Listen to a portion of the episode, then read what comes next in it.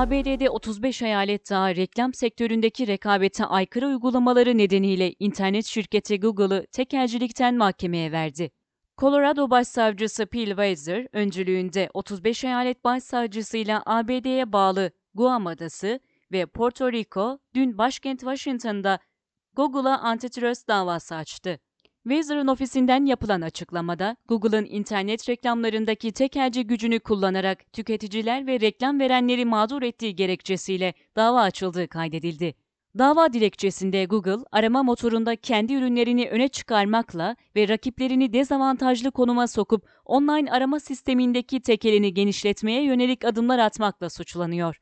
Davacı eyaletler söz konusu davanın Adalet Bakanlığı'nın Ekim'de Google eyaletine açtığı tekelleşme davasıyla birleştirilmesi talebinde bulundu.